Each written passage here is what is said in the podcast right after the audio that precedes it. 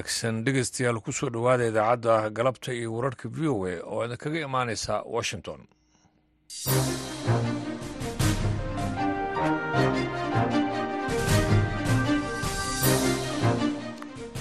Waa galab jimcaha bisha februari ee sanadka labada kun afar iyo labaatankana waa saddex iyo labaatan. Waxaadna naga dhegeysanaysaan mawjadaha gaagaaban ee lix iyo tobanka iyo sagaal iyo tobanka mitrband iyo bogga v o a somaali com saacadduna haatan afrikada bari waa afartii galabnimo.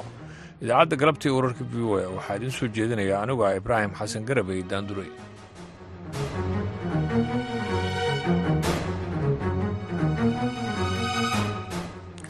qodobada aad ku dhegeysan doontaan idaacadda galabta iyo wararka v o a waxaa ka mida barnaamijka faaqidaada toddobaadka oo maanta aan ku eegayno dooda wax kabeddelka dastuurka soomaaliya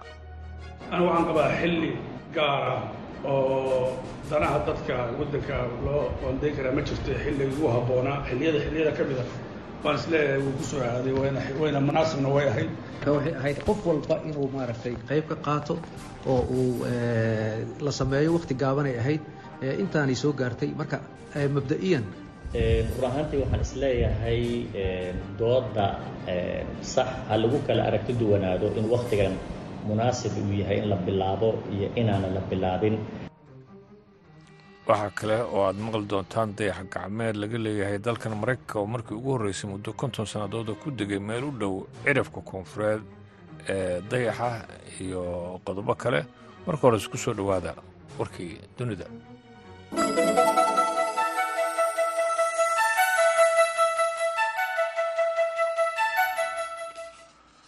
maamulka madaxweyne biden ayaa khamiistii shalayto uga digay iiraan jawaab deg dega oo daran oo kaga imaanaysa beesha caalamka haddii tehraan ay siiso gantaalaha balistiga ruushka kadib markii wakaaladda wararka ee reuters ay ku warantay horaantii toddobaadkan in jamhuuriyadda islaamiga ee iiraan ay hub awood badan ay u dirtay moscow isaga oo ka hadlayay kulan xog waran ahaa oo uu la yeeshay suxuufiyiinta afhayeenka amniga qaranka ee aqalka cad john kirby ayaa waxa uu sheegay in washington aysan weli arag u xaqiijinaya in gantaaladaasi ay ka soo dhaqaaqeen iiraan gaareen ruushka.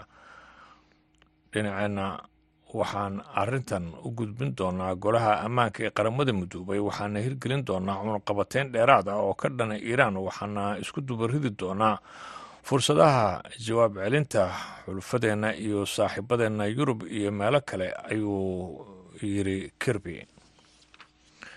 Saraakiil ukrain ayaa waxa ay sheegeen maanta in diyaarad kuwa aan duuliyaha wadin ah oo ruushka uu leeyahay xalay tusaqdii dhexe ay weerartay goob ganacsi oo ku taala dekadda odessa ee badda madow halkaasi oo dab uu ka kacay ayna ku dhinteen ugu yaraan saddex qof militariga ukrain ayaa sheegay in ruushka uu ku iyo soddon diyuuradood oo kuwa aan duuliyaha lahayn ah uu ku soo weeraray ukrain waxaana la sheegay in difaaca cirka uu burburiyey saddex iyo labaatan ka mid ahaa diyuuradahaasi ciidamada koonfurta ee ukrain ayaa sheegay inay ka hortageen sagaal diyuuradood oo kuwa droniska ah balse mid ka mid ah ay ku dhacday meel u dhow dekedda taasi oo keentay in dabku uu qabsado magaalada dnebro petrovisk guddoomiyaha gobolka sergey lisak ayaa waxa uu ku sheegay telegram in diyaarad aan kuwa duuliyaha wadan ahi oo ruushka uu leeyahay ay duqaysay dhismo dabaqa halkaasi oo ay ku dhaawacmeen sideed qof. Waxaana uu sheegay in shaqaalaha gurmudka ay baarayaan lagana yaabo in dad kaleeto weli ay ku hoos jiraan burburka kooxda xuutiyiinta ee gacansaarka la leh dalkaasi iiraan ayaa waxa ay sheegatay mas'uuliyadda weerar lagu qaaday markab laga leeyahay dalka ingiriiska iyo mid loo adeegsaday dowladaha aan duuliyaha lahayn oo ka dhan ahaa markab dagaal oo maraykanka uu leeyahay. Xuutiyiinta ayaa sidoo kaleeto waxa ay sheegteen in ay qaadeen weeraro gantaalaha meelaha fog gaara oo ay la beegsadeen magaalada dekedda ah ee eilat ee israel sheegashada mas'uuliyadda weerarada oo kooxda xuutiyiintu ay ku baahiyeen bogga ay ku leeyihiin ex ayaa ku soo beegmaya. Wax yar uun kadib markii hogaamiyaha kooxdaasi uu sheegay inay kordhinayaan weerarada ka dhanka ah maraakiibta isticmaalaysa badda cas iyo xitaa biyaha kaleeto caalamiga ah si ay markaasi uga hortagaan howlgallada military ee israa'iil ay ka wado marayka khaza xuutiyiinta ayaa bilaabay bishii nofembar ee sannadkii hore weeraro loo adeegsanayo gantaallo iyo dowladaha aan duuliyaha lahayn oo ka dhan ahaa maraakiibta maraya biyaha badda cas si markaasi ay taageero ugu muujiyaan falastiiniyiinta. Warkiina dhegeystayaal waa naga intaas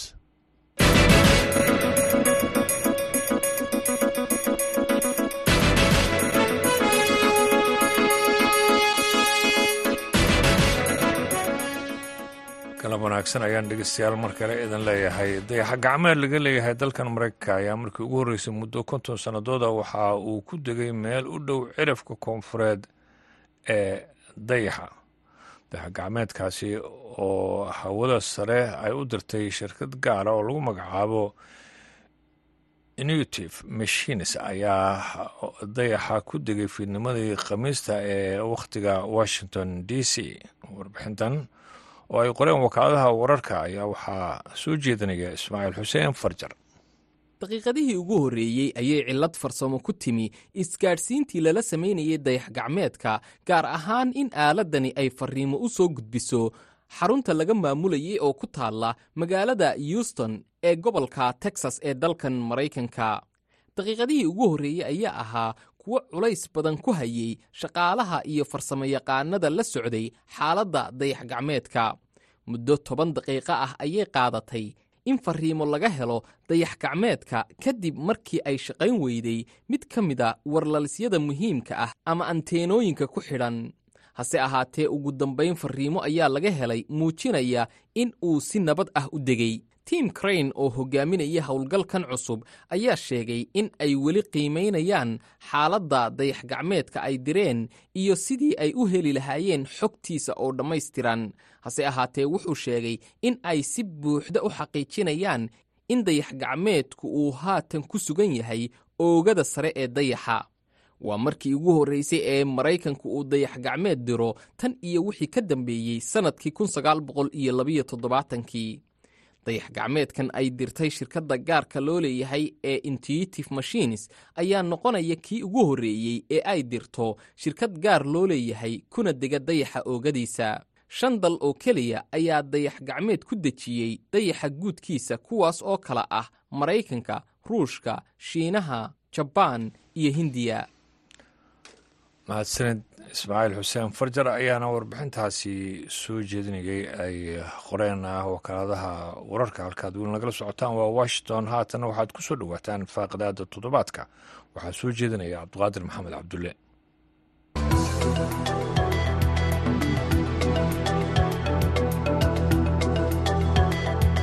waxaad meel ka soo joogtaan ku soo dhowaada barnaamijka faaqidaada toddobaadkood ka dhagaysataan idaacadda v o a laanteeda afka soomaaliga toddobaadkana barnaamijka faaqidaada waxaynu ku eegi doonaa bal wax kabedelka dastuurka kumeelgaarkii dib oogisiisa xilligan ma tahay wakhtiga ugu habboonaa maxaysataa doodaha waaweyn ee ku haraysan wax kabedelka dastuurka siisiinta qaarkood ay qabaan? Maxaysataa ujeedada ugu weyna xilligan dowladda madaxweyne xasan ee miiska u soo saartay arrintan iyadoo labada aqal ay bilaabeen gudagalka ka doodista wax kabedelka iyo dib oogista dastuurka kumeelgaarka soomaaliya barnaamijka waxaa nagala qaybgelaya wasiirka boosada isgaarsiinta xukuumadda soomaaliya jaamac xasan khaliif oo ka mid a siyaasiyiinta soomaaliyeed. Kana mid dad xogaalka marka laga hadlayo arrimaha federaalka iyo doodaha xilligan socda sidoo kale barnaamijka waxaa martina waa xildhibaan maxamed ibraahim calimu oo ka tirsan xildhibaanada golaha shacabka ee soomaaliya ee arrinta la xiriirta wax kabedelka sida hadda ku socdaan maalmihii soo la soo dhaafa ka mid ahaa siyaasiyiinta sida weyn ama xildhibaanada arrintan uu arkayay inaysan ahayn waktigii ugu habboonaa ama uu dad uu ka qabay. Sidoo kale barnaamijka waxaa nagala qaybgelaya xildhibaan cabdirasaaq xusul oo ka mid a xildhibaanada golaha shacabka ee arrinta wax kabedelka dastuurka iyo dib oogista xilligan sida weyn u taageersan sidoo kale doodaha looga hadlay arrinta dastuurka waxaa goobjoog ka ah oo korjoogteynaya maalmihii la soo dhaafa bulshada rayidka soomaaliyeed oo iyagu tegaya xarunta villa hargeysa oo dood ay ka socoto. Waxaana barnaamijka nala joogo nagala qaybgeli doona brofesor liibaan ciise oo ka mid a bulshada rayidka aqoonyahanka soomaaliyeed daraasaadka saarna ka dhiga jaamacadda muqdisho. Dhammaantiin aada baad umahadsantiin ku soo dhawaada barnaamijka faaqidaada toddobaadka aan ku bilaabo wasiir jaamac marka laga hadlayo wax kabedelka dastuurka dowladihii kala dambeeyo dhan waa la soo mudayn jiray. Laba kun labayo tobankii odayaasha dhaqana muqdisho kadib aada baa isha loogu hayay. Soomaaliya inteebay muhiim u tahay xilligan in la gudagalo wax ka bedelka dastuurka ku-meelgaarka anigu waxaan qabaa xilli gaara oo danaha dadka waddanka loo qoondayn karaa. Ma jirto xilligii ugu habboonaa. Xilliyada xilliyada ka mid a waan is leeyahay wuu ku soo aaday wayna wayna munaasibna way ahayd. In laga doodo oo la furo dastuurka waxyaabihii qaranku dadka soomaaliya hiigsanaya inuu ka mid yahay. Marka in la furo oo laga doodo oo meel la mariyo runtii aad iyo aad baan u qaba inay muhiim tahay jiddan. Meel fiicna uu maraya waxaan kaloo ku faraxsanahay inuu yaallo golayaashii loo baahna inuu yaallo oo ka shaqeeya shaqadoodii ay xaqa u lahayn ka qabsadaan. Marka saasaan runtii qabaa xildhibaan maxamed ibraahim dooda dastuurka gacantaad ku haysaan dabcan laakiin su'aalo waaweyn doodaa yaallo. Horta marka hore aragtidaada sidee ortaa in ay bilaabato doodiisu. Aada iyo aada umahadsan tahay horta dastuurkan sida labada ogyahay waxaa soo maray wakti aada u dheer oo labada kun labiyo tobankii la sameeyey. Ilaa intana maaragtay waxay mar walba dowlad walba ay sheegaysa inay dib uegis ku samaynayso.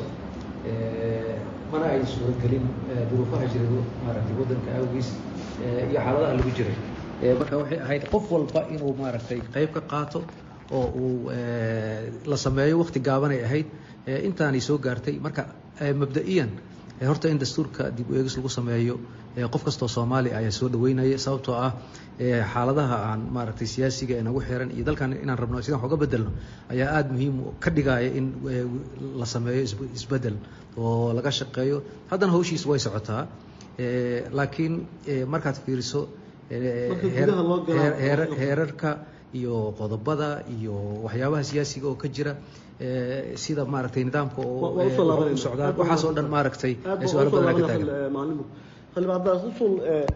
Wax ka bedelka dastuurka in la gudagalo aada baad u soo dhaweyneysaa marka see marka hore aragta aragtidaada bismillahi raxmaan raxiim waan salaamayaa idaacadda v o a iyo ummadda soomaaliyeedba iyo saaxiibada igula jira dooda xildhibaanada iyo wasiirada iyo bulshada rayidka intaba. Intaa kadib runtii waxaan anigu soo dhaweeyey soona dhaweynayaa wax ka bedelka dastuurka ee waktigan iyo in la dhammaystiro dib u eegis lagu sameeyo qodobadiisa kala duwan. Runtiina baarlamaankii sideedaad baarlamaankii sagaalaad iyo baarlamaankii tobanaad ayay ahayd inay dib eegis ku sameeyaan islamarkaana ay dhammaystiraan. Laakiin waxaa u diiday duruufo markaas taagnaa iyo qodobo ay u baahneed in dowladda dhexe iyo dowlad goboleedeed ay ka heshiiyaan maadaama in badan oo ka mid ah waxyaabahaas hadda dowlad goboleedyada iyo dowladda dhexe ay ka wada hadleen kana heshiiyeen ay u baahan tahay in markaan kadib la qaanuuneeyo waxaan qabaa in wax ka bedelkaas oo waktiga ku habboon yahay lana sameeyo aad baad mahadsan tahay. Doctor liibaan fadhiyada baarlamaanka ad tagteen doodaa bilaabatay bulshada iyo bilowga maxaa idin muuqda bismi raxmaan raxiim waa runtii waa salaamayaa saaxiibada igula jira dooda iyo dhammaan dadkana dhegaysanaya run ahaantii waxaan is leeyahay dooda sax ha lagu kala aragti duwanaado in waktigan munaasib uu yahay in la bilaabo iyo inaanan la bilaabin. Laakiin waxaa muuqata in guddiyadii soo diyaariyey howlaha soo diyaariyey kuwa guddiga madaxa bannaan iyo korjoogtaynta in ay aada u soo ururiyeen waxyaalihii talooyin badanna ay la yeesheen dhinacyada kala duwan bulshada rayidka maxaa la yidhaahdaa culimmada qeybaha kala duwan u yeesheen. Marka talooyin la kala dooran karo ayay keeneen. Taa marka waxaan is leeyahay waa waa arrin muhima jiddan midda labaad waxaan is leeyahay sida dhammaan hadda laga wada dhawaajiyey xataa dadka dooda igula jira in loo yani la isku raacsan yahay dastuurka in la dhammaystiro bes waxaa la isku hayaa waktiga kan oo aadka u adag miyaa habboonayd in lagu soo aadiyo maxaa hortabinta leh iyo qodobo qaarkood oo yani aada loo loo filaayo oo la leeyahay waxay u baahan tahay heshiis siyaasadeed ee in hadda la soo geliyo ma aha waa inahaas keliya mooyaane inta kale waxay is leedahay si wanaagsan buu mataqaana u socdaa. Usuljama puntland baad ka soo jeedaa dabcan. Puntland wadahadalada iyo waxa hadda socda sida u diidaneed ee madaxweyne dani waxaad ogtaha waxaa laga hadlayana waa heykalka dowladnimada in wadankan uu aado madaxweyne madaxweyne ku-xigeen marka siyaasi ahaan seed u aragtaa in iyadoo puntland bannaan joog tahay arrinta laga hadlo? Horta waxaa muhiima inaynu isla fahanno oo dadka soomaaliyed fahmaan dastuurka hawshiisa iyo gudagalkiisa iyo shaqadiisa hay'ado gaaraha leh oo xil saaran. Waxaana qabaa inay taalla meeshii ugu habboonay. Hay'adda labada aqal ee baarlamanka soomaaliyeed baana gacanta ku haya. Waxaana qabaa kalsooni ah sida uu sheegay walaalkay oo kale tusaale ahaan inay kuna filan yihiin. Marka la gaadho talada dadka soomaaliyeed gobollada la geeyo oo la soo lafaguro oo laga doodo khubradii aqoonta u lahayd iyo dadkii shaqada ku lahaa gacanta ku hayaan. Markaasay waxay noqon doontaa marka runtii dowladnimada waan sheegay waana ku celinayaa. Meeshii shaqada ku lahayd bay taallaa iyobaa dastuurku yaallaa. Aqoonteeda iyo meesha la marinaya waa ku filan yihiin. Marka iyaga dhaaftana dowladda meesha taalla waxaa weeye xildhibaanada labada gole waxay matelayaan dhammaan shacabka soomaaliyeed degmo walba. Waa dhici karta dad soomaaliyeed ka maqan yihiin dee somalia kuma dhamaan karto laakiin matalaad saha ka jirta. Sida hadda aynu joogno markaa dooda dastuurka wax kabedelkiisa iyo dhamaystirkiisu meeshaada u yaallaan marka waxaa loo baa waana process bilaabmay. Waxaa laga doodayey ma la furaa ama yaan la furin. Waad garanaysaa dooda la soo maray. Runtiina waxaa saxsaneed mar walba in la furo laga wada hadlo oo dhulka la dhigo shakiga ku abuuran ee la siyaasadaha ku gadaamanna waxaan qabaa inayn maanta oolin waxaa yaalla gacanta lagu hayaa waa laga shaqaynayaa talooyinkay u baahan yihiin waa marka aad baa maadanta xildhibaan maxamed ibraahim maxay tahay qodobada ama meelaha aada duraysa aad leedihiin siyaasiyiinta ka mid tahay waktigeeda lama joogo? Horta waxaa ugu muhiimsan waxa waaye waad og tahay soomaaliya dastuurkan iyo dowladnimadeena waxay ka timid soomaaliya oo kala tagtay oo dagaallo sokeeya ay dhaceen ayaa waxaa laisugu tegay meesha la yidhaahdo carta. Nidaam baa lagu heshiiyey. Nidaamkii maaragtay waxaa looga gudbay nairobi haddana la tegay labada kun iyo afartii oo dowladdii cabdullahi yuusuf allah u lagu soo dhisay. Soomaalidu waxbay isla qaadatay oo ilaa intan ay ku soo dhaqmaysay. Wixii aan ku dhaqmaynay ayaa waxaa la yidhi waxaan wax ka wanaagsan aan raadino markii sidaa aragtidaas la qabo waa aragti fiican laakiin sida loo wajahayo waa wada ogol siyaasadeed sababtoo ah dad soomaaliyeed waxaan matalayaan koox gaara ma matalayaan magaalo gaara kama shaqaynayso. Marka waxaa ka muhiimsan soomaaliya hadda intay ku wada joogto inay ku wada joogto haddii ay xaaladdu ka sii xumaanayso oo dadku kala qaybinayo marka marka waxa ugu muhiimsan marka waxaan rabnaa marka in dadka soomaaliyeed oo dhan maaragtay qof walba dee qof walba waa ogol yahay in tan loo yeero laga wada qayb galo si maaragtay wadar ogala laakiin haddii aan dhahno wixii la iska dhameeyo walaalow runta marka laga hadlaayo annaga baarlamaanaan nahay baarlamaankeenana waa ognahay xaaladiisa iyo siday ku yimaadeen iyo sida lagu joogo iyo waxa go'aankoodu yahay. Haddii maaragtay meel walba gacanta la iska taagana wax walba madaxda soomaalida wadato madaxweynaha uu wato cid ka hor imaanaysa ma jirto. Laakiin waxaas waxay maaragtay ay fashilmi doonaan. Sababto waxaad og tahay dowladdan dowladaa ka horreysay madaxweyne farmaajo wuxuu baarlamaanka waxyaabo maaragtay u ansixiyeen laba sano in maaragtay lagu daro oo doorasho la aado may shaqaynin. Hadda daniya ugu dambeeyey madaxweyne daniya wuxuu yidhi maaragtay doorashaan tagaaya way soco weyse sababtoo rabitaanka dadkaa ka weyn. Marka waxaan ogeyn meesha ayna geynayso waxaan rabnaa meesha ayna geynayso. waxaan rabnaa dadku inay ka wada qayb galaan maamulada maaragtay ay ay ka wada qayb galaan oo qof walba taladiisa la geliyo hadda tala soo jeedinaa jirto dada wax kala maayan qof yiri ma jirto yaa la bedelin laakiin madax soomaaliyeed qaarkood waxay soo jeedisay in loo cagdhigo oo laga wada tasho haddii haddii meel gaara iyo deegaan gaara lagu maaragtay uu ka shaqayn doono ma aqaano laakiin haddii la rabo waxaan soomaali inay ku midowdo waa in maaragtay qof walba laga qayb geliyaa waxaan jeclaan laha horta xildhibaanka runtii waa ixtiraamaya aada iyo aad waxaan qabaa hadduusan naa xog iyo isaga wixii ilaahay gacantiisa u soo geliyey hadduusan ka gacan taagan inuu ku filan yahay. Waxaan rabaa hal midaan xuso. Horta dastuur iyo dowlad maamulkeed hoggaan baa iska leh. Hoggaamada qarankuna way kala duwan yihiin. Waxaan rabaa inaan la wadaaga xildhibaanka in dastuurka la dhammaystiro waxay u baahan tahay courage waxay u baahan tahay go'aan waxay u baahan tahay dadnimo waxay u baahan tahay kalsooni. Dowladda maanta joogta go'aanka ay qaadatay waxaa weeyaan dastuurka in la dhammaystiro. Dastuurka madaxweynuhuna ma leh qof gaaran ule ma jiro. Dadka soomaaliyeed ee noole xildhibaanada yaa u dhammaan karaa. Fiiri institution kasta oo adduunka jira shaquu leeyahay. Dastuur meesha uu shaqada ku leeyahay ka bilaabanaysa waa baarlamaanka caalamka o dhanna waxaa dastuurka u qora waa la yaqaan tusaale idiin sheegaya. Waddanka maraykan aad taqaaniin shan bilood baa loo fadhiya dastuurkiisa.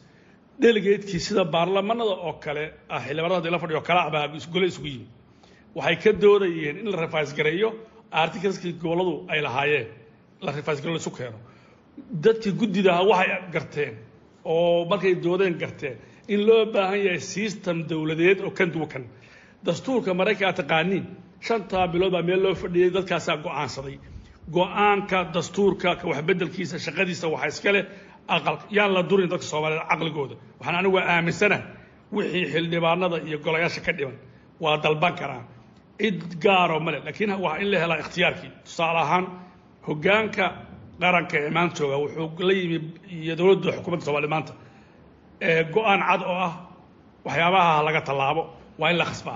Waxyaabaha aynu soo marnay waxaa ka mid a ka baxsan oo aynu qabsannay oo aan aada loogu dhiran jirin. Waxaa ka mid din cafis baa ka mid waxyaa badan baa ka mid a marka tanna wuxuu ka mid yahay qayb weyn oo dadnimada dowladnimadeena saldhig u ah. Marka ikhtiyaar baan leenahay maanta insha allah walaaca uu qaba saaxiibka xildhibaan macalimu ee la xiriira ee isku koobidda iyo siyaasadaynta gaar ahaan wax ka bedelka heykalka dowladnimada. Maxaa xilliga si gaar loogu doorbidaa wadanku baarlamentarian u ahaa madaxweyne u lahaa ra'isul wasaar u lahaa? Hadda maxay tahay doodan madaxweyne madaxweyne ku-xigeenku iyay dan gaar ugu jirtaa anigoo ixtiraamaya dooda saaxiibkay macalimu ayaa haddana waxaan rabaa inaan bulshada soomaaliyeed u caddeeyo dastuurka sida wax looga bedelayo iyo cidda iska leh in ay wax ka beddesho iyo habka ay marayso ay raacayso waddada ay marayso intaba isla dastuurkana qeexaya cutubkiisa shan iyo tobanaad qodobada boqol soddon iyo labo boqol soddon iyo lix iyo boqol soddon iyo toddoba. Cidda ay siinayaanna waxay tahay waa baarlamaanka. Baarlamaanka labadiisa aqal waxay matalaan dadka soomaaliyeed ee kala duwan iyo deegaanada soomaaliyeed ee kala duwan. Cidda kale uu tabsan yahay saaxiibkay xildhibaan macalimow ou rabo inay wax ka beddelka dastuurka ay iyadu yeelato. Uu rabo inuu isaga dastuurka awooddii asiga uu siiyey uusan u isticmaali karin. Ayaan ka rabaa inuu aada u caddeeyo. Runtii baarlamaanka iskale guddiyaana ugu xil saaran oo midna baarlamaanka uu ansixiyey midna baarlamaanka uu shaqsi shaqsi ama xubin xubin ugu codeeyey oo midna uu yahay guddiga dastuurka ee madaxa bannaan midna uu yahay guddiga heer baarlamaan oo labada aqal ay ku wada jiraan oo korjoogteyn ku leh dib u eegista iyo dhammaystirka dastuurka. Waayadii dambena saaxiibkay macalimu bahda iclaamku ka yimid ama warbaahinta wuxuu arkayay wasaaraddii iyo guddiyadii oo talo weydiinaya bulshada qeybaheeda kala duwan.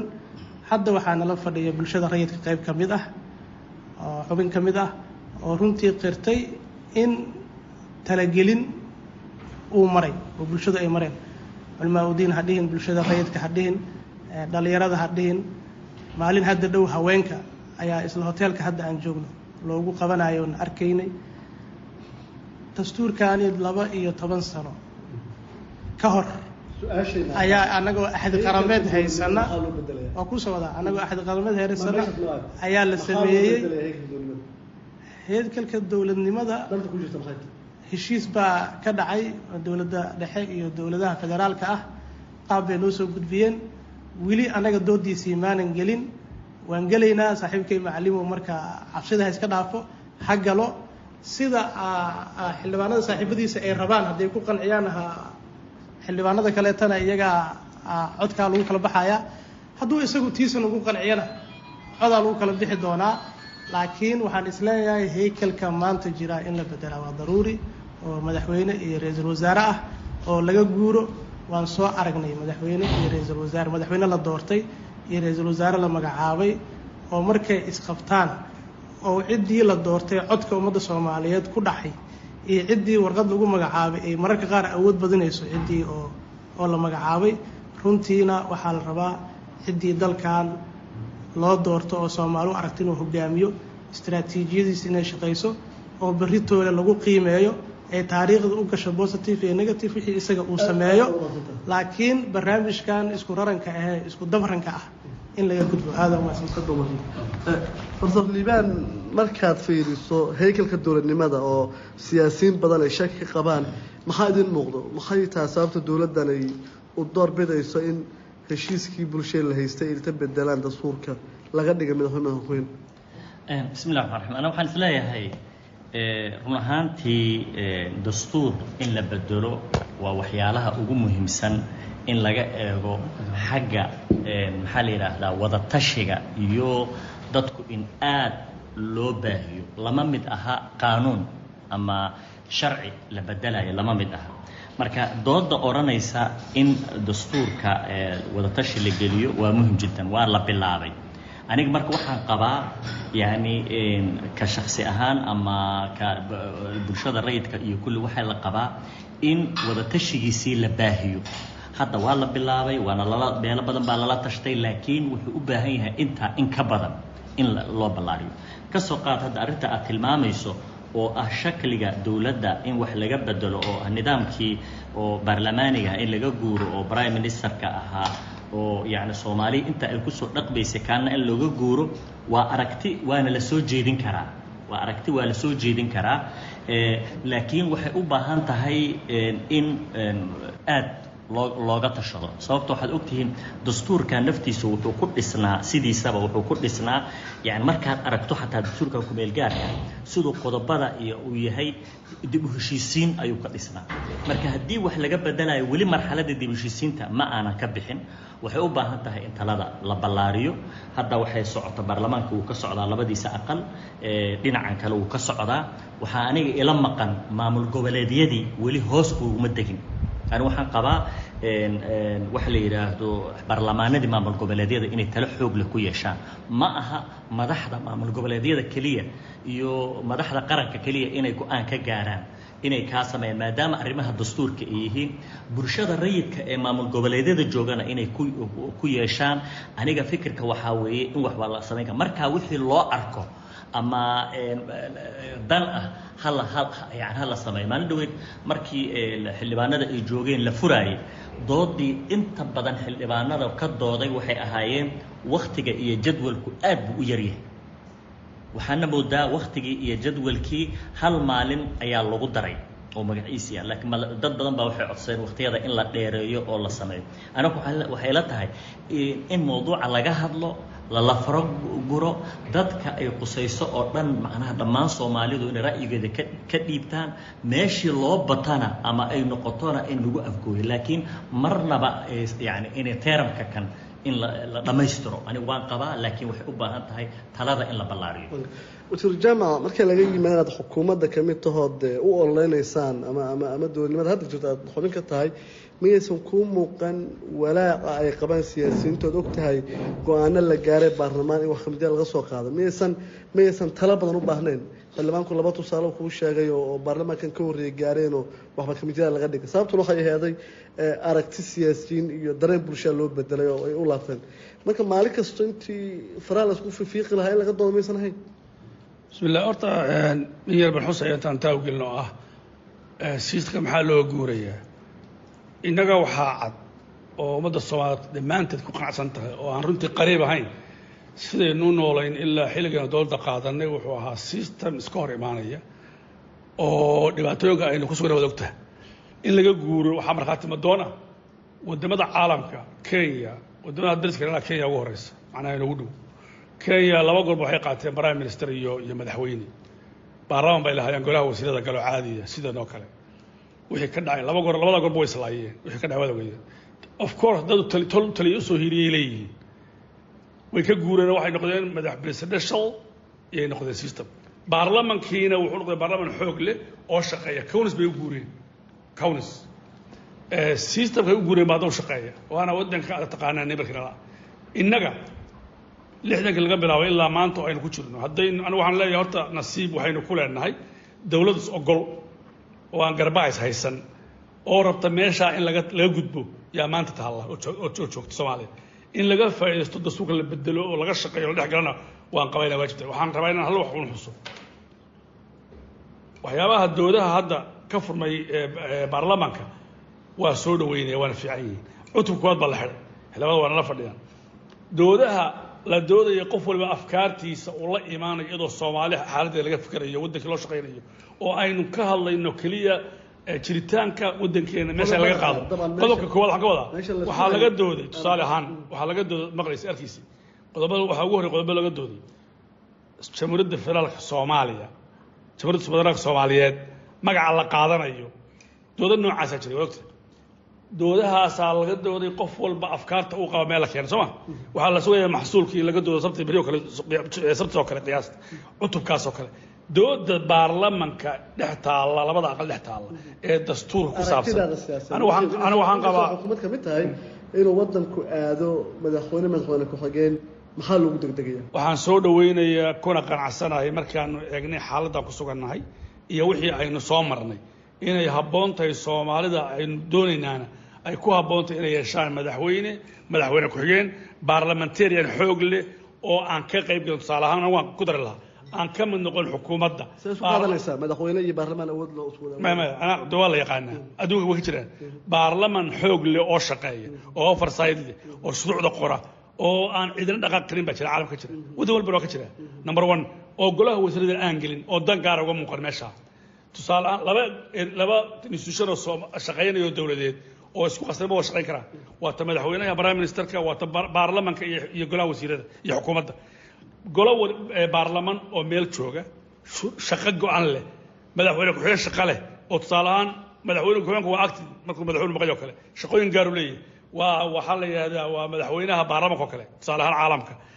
Marka shaqooyinku iskuma qasna dowlad waxaynu helaynaa marka dowlad soomaaliyeed oo shaqaysa oo aan dan dana gaara ku hareereysnayn haddii taa la gaadho laga hadlo oo lagu soo dhawaado tusaale ahaan laga baxo danta shaksiga waxaad arkaysaa xildhibaan raalligo xildhibaan u doodaya oo leh waxaanu luminaynaa awooddii doorashada madaxweyneha anagu aanu gacmaha gelin lahayn kow. Waxaad arkaysaa xildhibaan u doodaya qole heblaa wax waayaysa. Doodaha me waxaad arkaysaa qof siyaasiya oo la taagan golaha dhexdiisa. Haddii wax socdaan tusaale ahaan oo halkaa la dhaafo. Doorashaa la aadaya matalaada reerku waa sababtii laasqaanuhu joogtay oo qayb uga ahayd ololihiisooda marka in reer la matelo oo adaa ka yimi sooma adaa adaa maxaa laasqaano ka doonto aan ku sheego. Ma rabo laascaanood soomaali ka go-an. Ma rabo laascaanood sadbursiya dowlasa ma rabo. Waxaan rabaa laascaanood waxay ka mid tahay gobollada kale antay ka mid tahay. Iyo la mid tahay. Waxaan rabaa inaan arko laascaanood iyo magaalo ka soo soomaaliyeed oo xor ah oo soomaali ku xidhan fiiri oo ay ka duulaan. laakiin meel baad matashaad waqti gelisay. Doorasha doorasha la aadaya may may anigu soomaali baan matalaa of course magaala ku dhashay. Waa sax. Laakiin waxaan rabaa baan ku yidhi laascaanood oo keliga nool ma rabo. Waxaan rabaa laascaanood sharaf leh oo soomaali la nool oo dastuura sharci halmaan maxamed haddii aad aaminsan tahay in waxka bedelka dastuurka dood la gelsho goormuu soo dhammaana runtii horta sida ay ahayd in soomaali ay ka doodo oo dadka loo wada maaragtay fidiyo oo qof walba ra'yigiisa uu ku soo ururiyo oo bulshada rayidka culamaa diinka waxyaaba badan oo diinta khuseeyaa jira. Waxaasoo dhan in lagu soo ururiyay ahayd dowlad goboleedyada laftoodu maaragtay soomaalida madaxday ka mid yihiin ra'yigooda laga siiyo sax dee wax walba ma boqol kiiba boqol ma wada noqonayaan laakiin in aragti laga siiyay ahayd. Sida hadda aad arkayso ama wax u socdaan markaad fiiriso waxay u muuqataa in la siyaasadeeyey wixii degdegaa ku jira soomaalidana waxay tiraa degdeg door ma dhasho. Dalka haddii ujeedku yahay in soomaali laysku hayo waxaa wanaagsan in la tartiibsado. Caqabado badan turanturooyin badanaa lala kulmaa waa sax. Laakiin in mar walba horta xildhibaanada shaqadu way leeyihiin. Laakiin waad og tahay oo shaqada marka la qabanayo waxay u baahan tahay in haddee xamar lagama fulinayo jasiiro lagama fulinayo waxa hawsha laga qabanayo waa soomaali. Soomaalidii haddaynan ku qanacsanayn oo midkii boorama joogay iyo kii boosaaso joogay aanay ku qanacsanayn iyo kii kismaayo joogay haddee maxamara lagu haynaya marka waxaa la rabaa marka in dadka soomaaliyeed aanan la siyaasadaynin oo aan laga dhigin shaati siyaasadeed qof uu maaragtay ra'yigiisa ku saleeyay annaga waa ognahay hadda wasiirka ka hadlaya wuxuu yidhi waxaan rabnaa xildhibaano oo ka madax bannaan dowladda oo awood leh. Macnaheedu wuxuu og yahay inaanan awood lahayn oo aan baaba'nahay og yahay wixii la raba nala marsiinayo marka ogow waxa ka imaan kara mustaqbalka marka waxa meesha ka imaanaya waxaan rabnaa marka in si ay maaragtay mustaqbalka u noqoto mid soomaali ay u midayso walaalo waxa meeshan ka socda waa la ogyahay meesha ku dhammaanaya gacantaan taagaynaa waana la yaqaanaa waxaan nahay haddee laakiin waxaa loo baahan yahay waxaas ra'yigii ma hal meel ka yimid waaye? Sidee meelihii kale aa loo loo aqbalsiinaa waa ani arrinta soomaali shaqadaas waxay ahayd in loo madax baneeyo dowladdu ay u madax banayso baarlamaanka oo baarlamaanku gudiyay leeyihiin in la baxo oo inta la sameeyo la diro oo ay tagaan kismaayo tagaan oo ay jowhar tagaan oo puntland tagaan oo shaqada la qabto oo civil society-ga la isku laro oo arrintu ay arrin madax shaqada noqoto. Ma jiraan waxa dhan waa la sunneeyaa walaalo. Bulshada rayidka maaragtay ra'yigooda in laga qaadanayo in kale ilaah baa og culummada maaragtay ra'yigii soo jeedin doona. Hadda annaga marka waxaan fiirinay sababtoo ah waxaa la yidhahdaa maaragtay roobkii da daruurtiisaa la gartaa. Siday wax ku soo bilowdeen markaad aragta degdega walaalow meelaa loo socdaa anigu ma garanayo. Meeshaas waxaa fiicnaan lahayd inay soomaali meelay u midaysan tahay ay ahaato xildhibaan meesha loo socdo anaa kaa shafiica waxaad rabtaa dastuur wakti kooban aada isha loogu hayo loogu doodsan yahay inaad meel marsiisaan sida xildhibaanku qabo. Runtii waa mahadsan yahay saaxiibkay macalimow doodiisa laba qodoboo muhiimaha ku jirtay. Mid waxay ahayd in uu qiray inuu u baahan yahay dastuurkani in dib u eegis lagu sameeyo lana dhammaystiro mara lamber labo wuxuu kaloo haddana qiray uu caddeeyey cidda hawshaasi iska leh dib u eegista iyo dhammaystirka inay tahay baarlamaanka. Hadda baarlamaankan hadda joogo annaga iyo asigaba aan ka wada tirsannahay waayo mid cusub oo malaa'iga ma imaanaye. Waxaan rabaa inuu nala ogolaado walaalkeen in dastuurka hawshiisa aan galno. Walaalkay soo sheegay doctor liibaan ahna ustaadkayga. Runtii wuxuu sheegay in xildhibaano badan ay codsadeen waktiga xildhibaanadii codsadaan ka mid ahaa waxaan hadalkayga ku jirtay jadwalka isagoo sidiisa ah saacadaha shaqada iyo maalmaha aan badino saacadihiina sidaan wada ognahay. Waa la badiyey. Maalmihiina intii way ka gudbeen. Cutub kasta oo wakti dheeraada iyo u baahdo saacado dheeraadana sidaasoo kale uu heli doonaa. Tahay horta libaan baarlamaankii kan ka horreeya doodan waaweynaa hareeye go'aanay gaareenna dibaa loo baabaashood og tahay oo ka mid ahayd labadii sane ee teeramka dheeraadka. Marka doodahan oo kale maxaanu ka baran karnaa? Wax ma ka baran baarlamaankan ka horreeyey dooda hadda socota samisleeda mustaqbalku way saameyn kartaa eh, jihada siyaasadda soomaaliya waxaan is leeyahay in horta ay soomaali maanta ay ka doodo in dastuurkeeda ay dhammaystirato oo la isku wada raacsan yahay hadda. Horta waa qodob aada iyo aada asaasi u ah. Qolo walbaba dhinacyay ka cabsataa dhinacyadaas keliya waxaa la rabaa hadda hoggaanka baarlamaanka iyo hoggaanka sare ee dowladdaba in ay laga shaqeeyo si calal aqal cabsidaa ay u yaraan lahayd. Waxay ku imaanaysaa wada hadal iyo in aada loo xoojiyo leanna laakiin haddii la isku dayo ama ay noqoto keliya deg deg in ay wax u maraan waxaa dhacaysa markii wax la soo saaro in haddana laga yaabo gobollo kale inay diidaan waxyaalo kale inay sameeyaan afraad kale inay kacaan dad xataa siyaasiyiin ah inay isku dayaan waxyaalahaas marka buuq iyo waxyaalahan hore u soo aragnay ma rabna inaan ku noqonno hadda habkay wax u bilowdeen waa bilow waa wadatashi bilow haddana waxaa la yidhi waktiga waa lagu darayaa wakti kasta u baahata dooda waa la siinayaa. Marka do- doodaa in la ballaariyo ilaana la gaarsiiyo qolo kasta aysan ka maarmin in mataqaanaa ta- wadatashiga la siiyo iyo dhinacyadeeda dhan la siiyo ilaa iyo maamul ma qabtiin in loo gooro madaxweyne maya taa waxay wa- waxay ka go'daa fiiri annaga mar walbaba waxa horta waxaa ugu muhiimsan civil society-ga iyo waxyaalaha ay xoogga saaraan waxaa ka mid ah in yani ee, ee, xasilooni siyaasadeed horta waa in la helaa oo marna wax dagaal iyo keenaya annaga waxaan t- hataa eh, dhuusamareeb waxaan xoogga bresharka aan ugu saaraynay madaxdii hore in wix soomaali ay heshiis ku tahay lagu gudbo oo qor isku dhiibka uu noqdo. Laakiin sidaanaan rabaa inaysan qolana aysan ku dhegin. Marka haddii soomaali doorato eh, nidaamka madaxtooyo dhib ma laha ama prime minister oo iyo sideenna aan ku soo caanamaalnay in la sameeyo laakiin in la furo dood dibeed yacni u qalanta arrintan isbeddelka weyn oo dhacaya. Intaasaan is leeyahay midda ugu dambeeyaan is leeyahay aan ku soo leeyahay. Aniga ma aqaan dadku waxay xoogga saaraan madaxtooye iyo prime minister. Aniga mid igala igala muhiimsan baa jira. Waxaa jira soo jeedinta waxaa ku jirta laba xisbi aniga waxay la tahay prime ministerka iyo madaxweynahaba waxaa ka daran labada xisbi. Wax in badan oo qaylada siyaasiyiinta iyo dadka damaca siyaasadda leh ka keenayana waa labada ee madaxtooyadaba waxaa uga muhiimsan labada. Laba hadday noqoto waxaa logica la imaanaya hal xisbina wuxuu ka imaanayaa waa xisbiga yacni xaakimka ah ayuu ka imaanaya talada. Inta kale ee siyaasiyiina isu taga oo hal xisbi soo abuura oo markaa nala tartama xoogaa meeshaasa cabsi laga qabaa. Marka meeshaasna markii laga hadlay hadda dad badan oo mataqaana dastuurka raggadiyaan waxay meel wax ku xiran ma leh. Labaa la soo jeediyey saddex iyo afar iyo shan waa la soo jeedin karaa. Marka doodda ha la furo ha laga jeediyo dhinaca laakiin hal dhinac keliya inaan lagu dhigin. aad baad mahadsantahay ugu dambeyntii su'aasha dhanka ugu dambeysa dabcan sidee lagu heli karaa dood bilaabatay wada ogol ah oo soomaalidu ay isku jaakataa adoo soo koobay suuragal maaha waxaan rabaa hal wax inaan la wadaago dowlad baynu leenahay dowladda mas'uulka ah hagidda waddanka shacabka soomaaliyeed meel kastoo joogaan dastuurkuna wuxuu ka mid yahay waxyaabaha saldhigayna oo aan rabna ka shaqayno golayaa fiiri gola fiiri waddankan gumaysi buu ku jiray soomaali baa diidanay inuu xoroobo dagaal sokeeyanu gallay soomaali baa gelisay.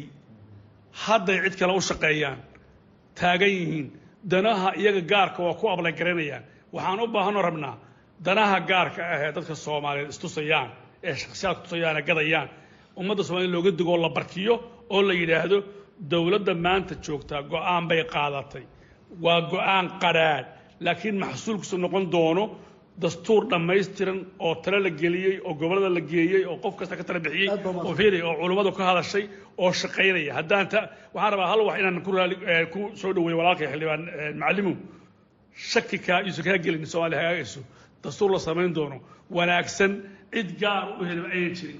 Dowladda hadda xilligeedana xilliga dambe iyo teerabka dambe uu noqon doona effective sida qushuu yahay marka insha allah ha welwelin hana cabsanin waxaan rabnaa gadiga wanaag baa insha allah in dastuur shaqaynaya soomaaliya sidee loo heli karaa wada ogol lagu jiheeyo dastuurka? Oo ugu yaraan baarlamaankiina maaragta marka ugu dambeysa aad isla qaadataan. Eh, wallaahi horta weli fursadaha way furan yihiin oo hadda annaga waa bilownay inaan ka hadalno. Jabtarkii koowaad aan bilownay eh, cutubkii koowaad eh, ilaa sagaal qodobaa maaragtay laga hadlaayay waa la sii wadi doonaa. Eh, dood way soconaysaa laakiin waxaa ka muhiimsan doodeenna oo dhan waxaa ka muhiimsan. Walaalow waxa waaye dalkan haddii aan inta wax iska marino meel aan geyno aan weyno dastuur kastoo la sameeyo dastuur kastoo qurux badan oo la sameeyo soomaaliya heshiiska siyaasiga ah ka muhiimsan. Waxaan rabnaa dadka soomaaliyeed inaysan ku kala tegin inay inay arkaan waxaan inay wada leeyihiin in qof walbaa ra'yigiisa dadkan aad ka walaacaysa xaggee joogaan ma shanta mada- maamul goboleed baad kala jeedaa yaa diidan dastuurkan. Walaal- dadka xaggee ugu fadhiyaan Fiir- fiir- dadka soomaaliyeed eh, horta sideeda baarlamaanka mar walba lagugu handadayo lagu leeyahay baarlamaankan eh, waxbuu qabanaya kaasuu yeela ama baarlamaankana shaqadan iskale horta baarlamaankii shalay waaye baarlamaanka maaragtay heshiis aanan arkaynin gacanta u taagay waaye. Eh, waxana waa wax masiiri ah. Ogowna baarlamaankaan ka hadlayno baarlamaan shacabka soo doortay maaha. Waa baarlamaan madaxweyneyaal iyo dad kale iyo dad soo riixay. Sidaan ku nimid annaga og walaalow kaas xildhibaan maaragtay masiir lagu aamini kara maaha.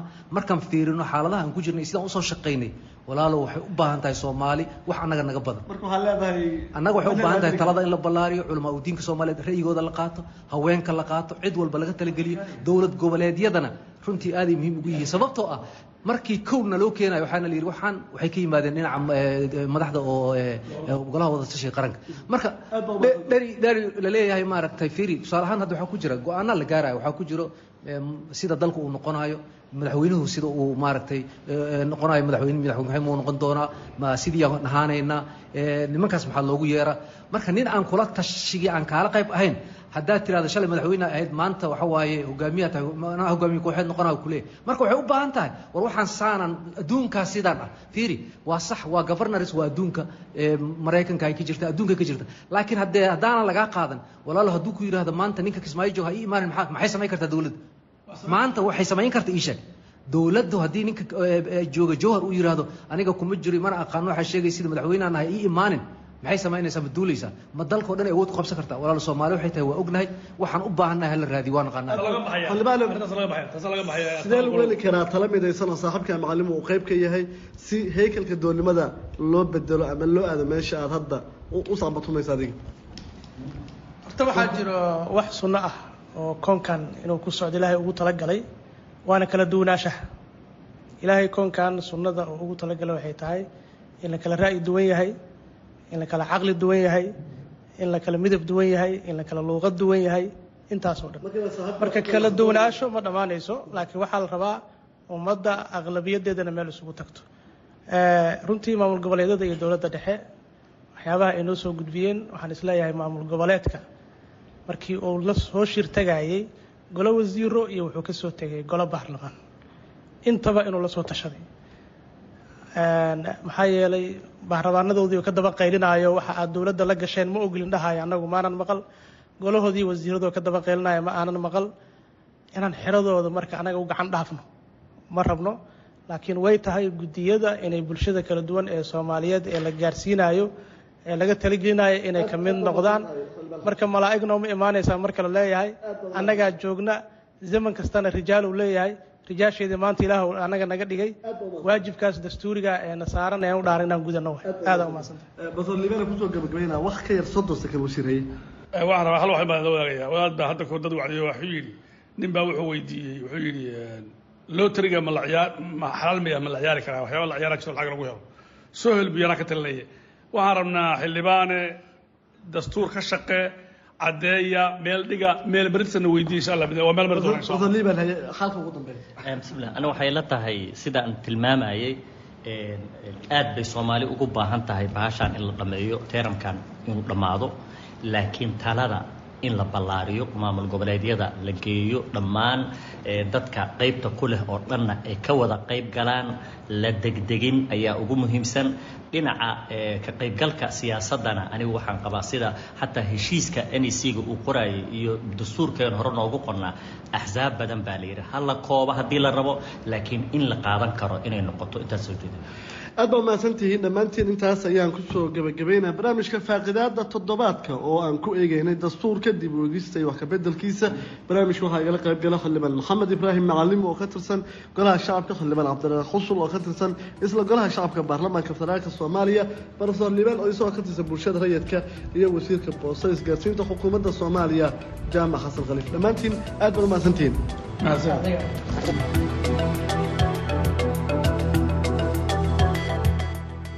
cabdiqaadir maxamed cabdulle ayaana soo jeedinayay faaqidaada toddobaadka. Haatan waxaad ku soo dhowaataan umuuraha islaamka iyo cabdixaafid cawil ismaaciil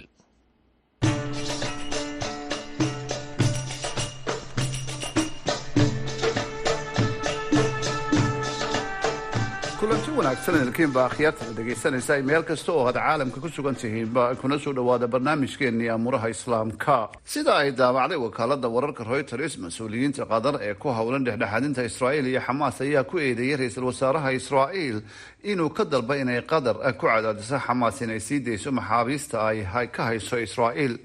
Waxaanay arrinkan ku tilmaamay inuu ra'iisul wasaaraha israa'iil ku dheeraynayo dagaalka qatar saameyn intee leeg ayay ku leedahay dhexdhexaadinta labada qolo maadaama ay qatar tahay wadan yar. Maxaa u saamaxa inay saameyn ku yeelato dhexdhexaadinta khilaafyo badan oo ka jira caalamka barnaamijkeena amuuraha islaamka ayaynu ku eegaynaa haddii ilaahay idmo. Ra'iisul wasaaraha qatar sheekh maxamed bin al cabdiraxmaan al tani ayaa sheegay in qaabkii wadaxaajoodka lagu doonaya in nidaam loogu sameeyo heshiis xabad joojin ah oo dhex mara xamaas iyo israa'iil ay u muuqato inaanay suurtagal ahayn afhayeenka wasaaradda arrimaha dibadda ee qatar majid al ansari ayaa qoraal uu ku qoray bartiisa ekes ee ahaan jirtay twitter ku sheegay in hadalkii ra'iisul wasaaraha israa'iil ee ahaa inay qatar ku cadaadisa xamaas inay sii dayso lahaystayaasha inay tahay isku day cusub oo uu ku doonayo inuu dagaalku sii wado sababo iminka cid kasta u muuqata. Lama hubo hadalada netanyahu ee qoraalka qatar ka jeeday haddaba qatar saameyn intee leeg ayay ku leedahay dhexdhexaadinta labadan qolo waa falastiin iyo israa'iil. Su'aashaasi ayaan weydiiyey maxamed haaruun biixi oo ah falanqeeyo degan magaalada nairobi. Haa qatar saameyn bay ku leedahay laba dhinac khaasatan dhinaca falastiiniinta guud ahaan gaar ahaan kooxda xamaas saameyn weyn bay ku leedahay. Dadka qase ku dhibaateysan muddada dheer ku dhibaataysnaa go-doonka ahaa waddamada gurmadka joogtada alla gaadha dibudhiska iyo caafimaadka iyo howlahaasoo dhan wax ka qabtay ku jiraan oo shacabi ahaan bay dadka qase ku nool xiriir ula leeyihiin. Xamaas ahaana koox ahaan bay ayay xiriir ula leeyihiin. Dee xaruntooduna waaba dooxa caasimadda wadanka qatar. Markaas saameyn weyn ayay ku leeyihiin. Laakiin saameyn gacan maroojis ah oo ay wax ku khasbayaan runtii ma aha laakiin xidhiir fiican ayay la leeyihiin oo u saamixi kara inay dhexdhexaadin ka qeyb galaan ama ay dhexdhexaadin ajendaa riixaan. Waanay wadeenba imika oo dhowaan dadkii la sii daayay koobnaa ee lagu bedeshay dadkii faraha badnaa falastiiniyiinta ahaa door weyn bay gadar ka ciyaartay. Markaas saameyn way ku leedahay. Dhinaca kale qatar oo ah wadan yar maxaa u saamaxay inay saameyn ku yeelato dhexdhexaadinta khilaafyo badan oo ka jira caalamka waa kan mar kale maxamed haaruun biixi. Ha waa run qatar waa wadan yar waa waddamada dunida ugu yaryar bay ka mid yihiin baaxad ahaan. Marka la eego bedkooda dhulka laakiin marka la eego xagga dhaqaalaha xagga saliidda iyo xagga saameynta siyaasiga ah ee saxaafadda caalamiga ah intaba saameyn weyn bay leeyihiin oo aada uga weyn xajmigooda dhul ahaaneed intaa aan soo sheegay baanay u adeegsadaan inay galaangal badan ku abuuraan oo ay qadar ka muuqato fagaarayaasha caalamiga ah. Meelaha xasaraduhu ka jiraana si gaara inay maaragtay xalintooda iyo khilaafaadkooda iyo ay ka shaqeeyaan iyagoo adeegsanaya saameyntooda dhaqaale iyo tooda maaragtay iclaamiga ama saxaafadda labadaba ayay isku dayaan. Taasaana u saamaxday inay isku dayayaan oo ay danaynayaan inay ka dhex muuqdaan fagaarayaasha caalamiga ah awood ay ku muuqdaan oo khaasatan xagga dhaqaalena ay leeyihiin ayaa u saamaxday inay ciyaaraan doorar. Aanay inta badan dowlado waaweyn oo dunida ka jira ciyaarin ama ciyaari karin. Inahaasa ugu muhiimsan runtii waanay natiijo badan bay ka keenaan marar badan. Wasiirka arrimaha dibadda ee qatar ayaa isaguna isaga oo aan faahfaahin dheeraad ah gelin sheegay in sidii wadahadaladii hore oo kale ay jiraan laba arrimood oo lafdhabar u ah wadaxaajoodkan xaaladda bani-aadnimo ee qasa iyo tirada falastiiniyiinta ee loo sii daynayo maxaabiista israa'iil ee la hayo. Dhinaca kale kulankii ammaanka ee ka dhacay magaalada mayunikh ee dalka jarmalka ee madaxda yurub iyo maraykanku yeesheen waxaa joogay madax ka socotay qaar ka mid a waddamada carabta oo ay ku jireen sacuudiga qatar iyo urdun waxaana lagaga xaajooday arrinta qasa saraakiisha maraykanka ee kulankaasi ku sugnayd ayaa sheegay in heshiis laga gaadho dadka la qafaashay kaasoo lagu sii dayn doono boqol iyo saddex iyo soddonka lahaystayaasha ah ee hadhay ay tahay arrin lagu gaadhi lahaa haka deer oo lagu joojinayo dagaalka ay ku dhinteen ku dhowaad soddonka kun ee falastiiniyiinta ahi muhiimna u tahay wadaxaajood siyaasadeed oo ballaaran oo hore looga socdo. Israa'iil ayaa ka digtay inay qorsheynayso howlgal ka dhaca rafa saraakiisha israa'iil ayaa sheegtay inay howlgalku uu muhiim u yahay in la bartilmaamsaday xubnaha xabaas generaalka howlgabka ah beni gantis oo xubin ka ah golaha wasiirada ee dagaalka ee ra'iisul wasaare bentanyahu hogaaminayo ayaa ka digay in xamaas haddii ay sii deen weydo lahaastayaasha ka hor bisha rabadaan oo ku beegan tobanka bisha maaraj in dagaalku uu gaari doono rafa qaramada midoobay waxay sheegtay inaanay jirin meel amni u ah dadka rayidka ah. Dowladda masar ayaa iyaduna ka digtay in la barakiciyo dadka ku soo barakacay rafa intaasi ayaynu dhegaystayaal ku soo gabagabaynaynaa barnaamijkeenii amuuraha islaamka. Aniga oo ah cabdixaafid cawil ismaaciil ayaa soo diyaariyay oo idinla socodsiinaya tan iyo inta aynu mar kale kulmayno. Haddii ilaahay raalli ka noqdo sidaas iyo jimco wanaagsan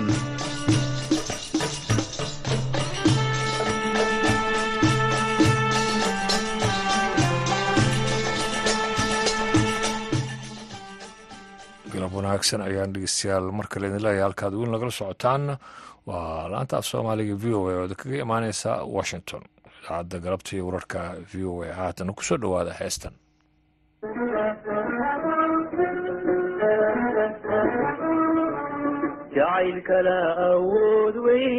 Kiilka dhigay qayb laylana abuurmo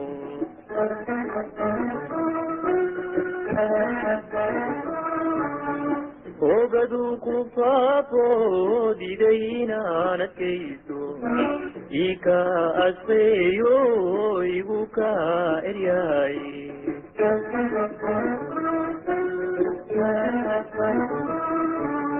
ogow naftaa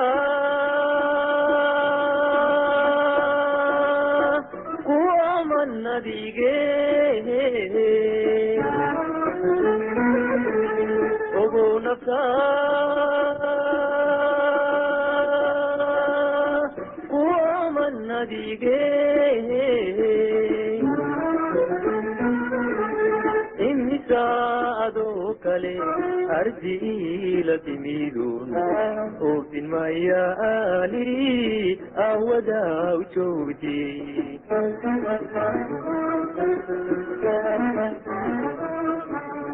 imisa adoo kale ardiila timidun oofin mayaani awadaa u joogti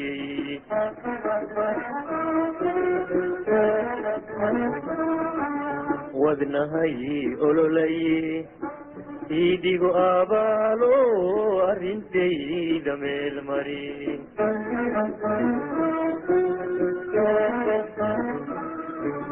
wadnahay ololaye idigo abaalo arrintayda meel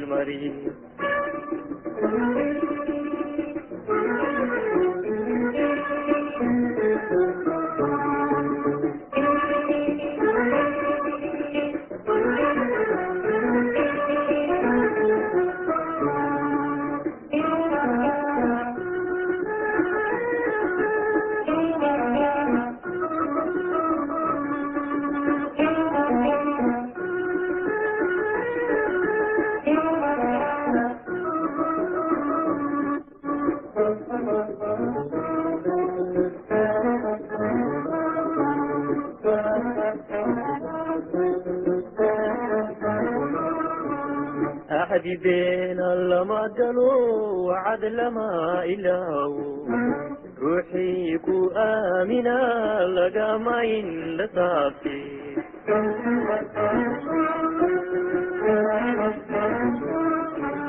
afartan iyo dheeraad arrimahan dhifayne ani siri idlaadeen waadigii idhee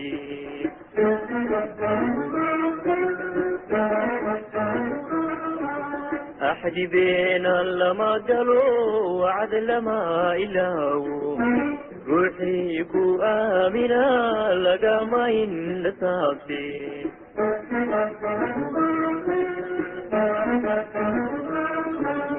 afartan iyo dheeraad arrimahan dhifayne ani siri idlaadeen waadigii irdee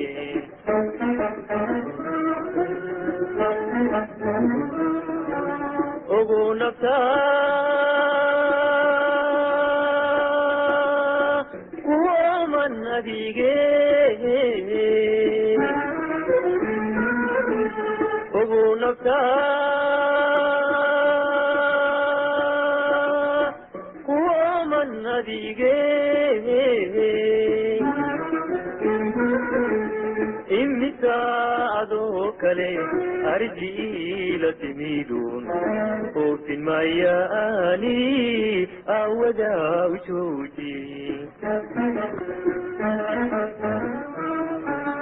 imisa adoo kale arjiila timidun oofin mayaaniri awadaa u jooji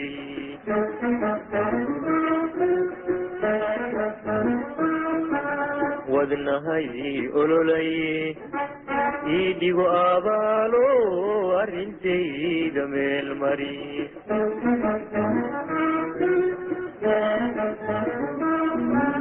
wadnahay ololay iidhigo abaalo arrintayda wadnahay ololaya iidhiga abaalo arrinteeda meelmare heestaasi arji waxaa qaaday fanaanka bashiir cali xuseen waxaynu ugu dambeysay idaacaddeenni galabta iyo wararka v o a. Waxaa idiin soo jeedinaya anigu ibraahim xasan garabi daanduray intaan mar kale kulmi doono nabadgelyo